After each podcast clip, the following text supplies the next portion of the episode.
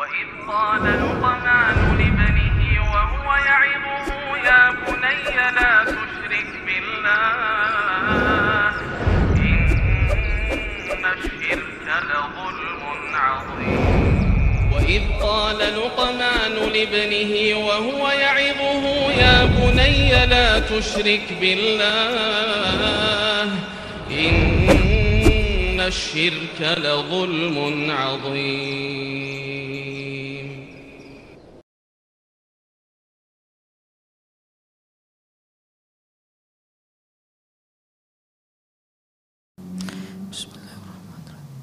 السلام عليكم ورحمة الله وبركاته. إن الحمد لله نحمده ونستعينه ونستغفره ونعوذ بالله من شرور أنفسنا وسيئات أعمالنا. من يهده الله فهو المهتد ومن يضلل فلن تجد له وليا مرشدا. أشهد أن لا إله إلا الله وحده لا شريك له وأشهد أن محمدا عبده ورسوله الذي لا نبي بعده. وقال الله سبحانه وتعالى يا أيها الذين آمنوا اتقوا الله حق تقاته ولا تموتن إلا وأنتم مسلمون. يا أيها الذين آمنوا اتقوا الله وقولوا قولا سديدا. يصلح لكم أعمالكم ويغفر لكم ذنوبكم ومن يطع الله ورسوله فقد فاز فوزا عظيما. يا أيها الناس اتقوا ربكم الذي خلقكم من نفس واحدة وخلق منها زوجها وبث منهما رجالا كثيرا ونساء. واتقوا الله الذي تساءلون به والأرحام. إن الله كان عليكم رقيبا.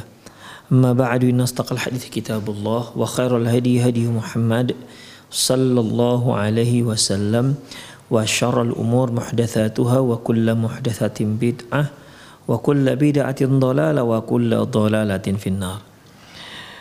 Kaum muslimin dan kaum muslimat eh, para pemirsa Rosyad TV dan pendengar radio Medan mengaji di mana pun anda berada Alhamdulillah kita kembali bertemu dalam program acara fatwa seputar anak di mana eh, di kajian lalu kita telah bahas sedikit kita telah bahas dan menyinggung terkait dengan masalah kuniyah seperti yang telah kita singgung seperti yang telah kita katakan bahwasanya uh, terkait dengan terkait dengan seseorang bahwasanya seorang itu uh, dia ini terkait dengan identitas ya. Dia punya nama dia ada kunyah dan dia ada lakob. Ya dia ada nama kunyah dan lakob. Lakob itu julukan. Kemudian kita sudah bahas juga eh, biasanya ataupun eh, penyebutan kunyah itu ya, tujuannya yaitu untuk menghormati orang yang dipanggil. Bahkan ikhwah sudah kita singgung sedikit terkait dengan adanya seorang sahabat, adanya seorang anak kecil ya, adanya anak kecil di mana eh, dia sudah dipanggil oleh Rasulullah Wasallam dengan kunyahnya yaitu Abu Omer. Di mana waktu itu ikhwah eh, sahabat kecil ini eh, dia memiliki seekor burung kecil ya yang biasa dia gunakan untuk mainan. Suatu hari burungnya ini mati dan hal itu membuat si Abu Umair ini menjadi sangat bersedih. Ketika Rasulullah Wasallam bertemu dengan dia, dia juga masih terlihat bersedih. Makanya Rasulullah katakan, Ya Aba Umair, mada fa'alan nughair. Wahai Abu Umair, apa yang telah dilakukan oleh si burung kecil tersebut terhadap dirimu? Artinya, kenapa apa yang dilakukan si burung kecil itu sampai kamu bersedih seperti ini? Demikian ikhwah.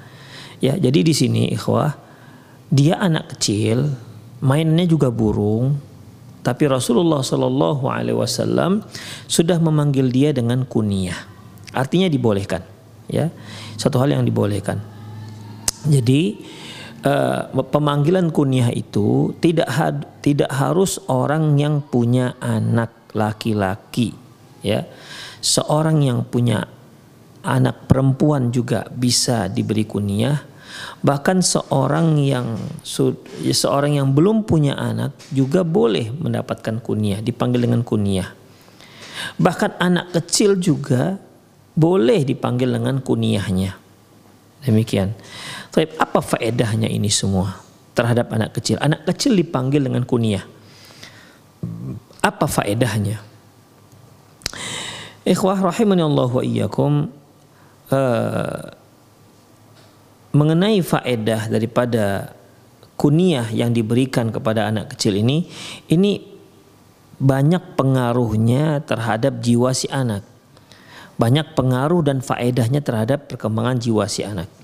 Di antaranya ikhwah, tanmiyatu syu'ur takrimi wal ihtirami fi nafsiyati walad yaitu untuk menumbuhkan rasa meng, menghormati dan menghargai ya untuk menumbuhkan pada jiwa si anak rasa menghormati dan menghargai. Wa minhu qawlu syair di antaranya yaitu ucapan seorang syair Ukannihi hina unadih li ukrimah. Aku memanggilnya dengan kunyahnya sebagai tanda aku menghormati dirinya ya.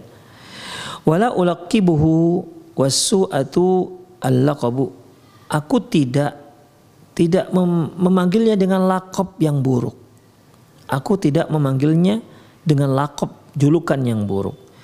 Di sini syari ini menyatakan bahwa saya pemanggilan kunyah itu yaitu untuk menghormati seseorang. Oleh karena itu, apabila seorang dipanggil dengan kunyah, di dalam panggilan dengan kunyah itu yaitu terdapat penghormatan. Lebih e, beradab seseorang itu kalau memanggil orang lain dengan kunyah ketimbang dia panggil dengan namanya sendiri, dipanggil dengan namanya. Itu yang pertama ikhwah untuk me, untuk apa namanya? Untuk menimbulkan uh, rasa menghargai orang lain, rasa menghormati orang lain. Kemudian yang kedua tanmiyatu syakhsiyatihil ijtima'iyyati li isti'arihi annahu balagha martabatal kibari wa sinnal ihtirami.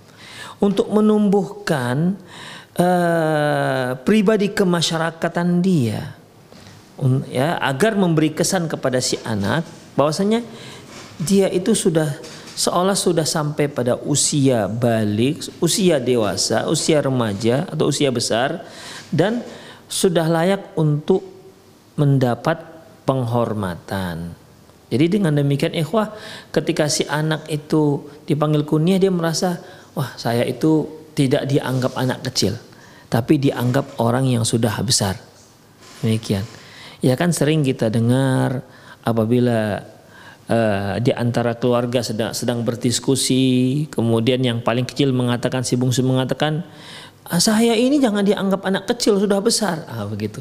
Jadi memang memang dia masih anak kecil. Anak kecil dikatakan anak kecil karena dia masih anak kecil. Ya, tapi kalau dia dipanggil kuniahnya, ya dia itu menumbuhkan rasa bahwasanya dia itu sudah dewasa, dia itu sudah besar, artinya dia itu sudah layak untuk apa namanya dihargai pendapatnya, ya. Dia itu sudah layak untuk dipertimbangkan ucapannya. Itu ikhwah. Sehingga dengan demikian dengan demikian akan tumbuh rasa dia menghargai orang lain. Akan tumbuh rasa bagaimana dia menghormati orang lain Demikian ikhwah. Jadi tanmiyatu syakhsiyatihil ijtimaiyah untuk menumbuhkan pribadi kemasyarakatannya. Jadi dia bisa bermasyarakat dengan dipanggil seperti itu. Dia merasa dia dihormati. Dia merasa bahwasanya dia seorang yang diperhitungkan walaupun dia masih masih kecil. Demikian ikhwah. Yang ketiga, ini juga tak kalah pentingnya faedahnya. Ta'widuhu adabal khitabi lil kibari membiasakan dia bagaimana cara berbicara dengan orang yang lebih besar, yang lebih tua, waliman kana fi sinnihim dan bagaimana juga cara berbicara dengan orang-orang yang satu letting dengan dia, yang selevel dengan dia, anak-anak kecil yang sama dengan dia. Demikian ikhwah. Jadi eh, ketika orang tua memanggil anak kecil itu dengan nama kunyah, itu sama seperti kita sedang mengajari dia agar menggunakan bahasa seperti ini ketika dia memanggil orang yang lebih tua. Demikian. Kalau kita di Indonesia kebiasaan kita misalnya ya eh, orang tua biasanya memanggil anaknya kalau yang sulung dipanggillah anaknya abang. Dipanggillah anaknya mas. Padahal itu anaknya. Mengapa demikian ikhwah? Ya. Ini artinya bukan si anak itu menjadi abangnya si si orang tua bukan. Tapi tujuannya bagaimana? Tujuannya agar dia agar panggilan ini ditiru oleh adik-adiknya. Itu dia. Dengan si adik ini dengan melihat orang tua memanggil abangnya mas, dengan memanggil abangnya abang, otomatis si adik juga akan ikut memanggil dengan panggilan yang sama. Demikian ikhwah. Demikian juga uh, antara suami istri. Ya. Ketika mereka belum punya anak, mungkin panggil adik, panggil abang. Bahkan panggil nama. Ya, si suami panggil nama. Tapi coba kita lihat ketika sudah mulai punya anak, itu akan berubah panggilan. Yang tadinya memanggil istri dengan panggilan adik, ya, dengan panggilan sayang misalnya, berubah dengan panggilan apa? Abi, Umi, ya kan? Si istri yang tadinya memanggil suaminya abang atau mas sekarang berubah menjadi memanggilnya menjadi abi. Si suami memanggil istrinya Umi. Demikian. Itu bukan berarti si suami menganggap istrinya ibunya dan bukan berarti si istri menganggap suaminya bapaknya, bukan itu maksudnya. Ya. Itu mengajarkan ya, mengajarkan uh, si anak agar dia memanggil ibunya dengan kalimat umi agar si anak memanggil ayahnya dengan kalimat abi. Itu ikhafiddin, ya. Makanya uh, ketika seorang suami memanggil istrinya ummi itu bukan zihar ya itu bukan zihar karena bagaimanapun al umuru bima qasidiha al umuru bima qasidiha ini sebuah kaidah fikih bahwasanya setiap urusan itu kita lihat apa tujuannya maksudnya apa innamal a'malu bin niyyah amalan itu disertai dengan dengan niat Demikian. Jadi bukan si suami meng, telah menganggap bahwasanya istrinya ibunya bukan, ya. Karena panggilan antara suami dan istri itu dengan panggilan umi atau abi, memang abi dan umi ini diambil dari bahasa Arab, tapi penggunaannya sudah disesuaikan dengan Indonesia. Ya. Seperti misalnya kalau ada sebuah rumah tangga mereka ingin memanggil ingin agar anaknya memanggil mereka dengan kalimat ayah dan bunda. Coba perhatikan bagaimana si istri manggil suaminya berubah menjadi panggilan ayah.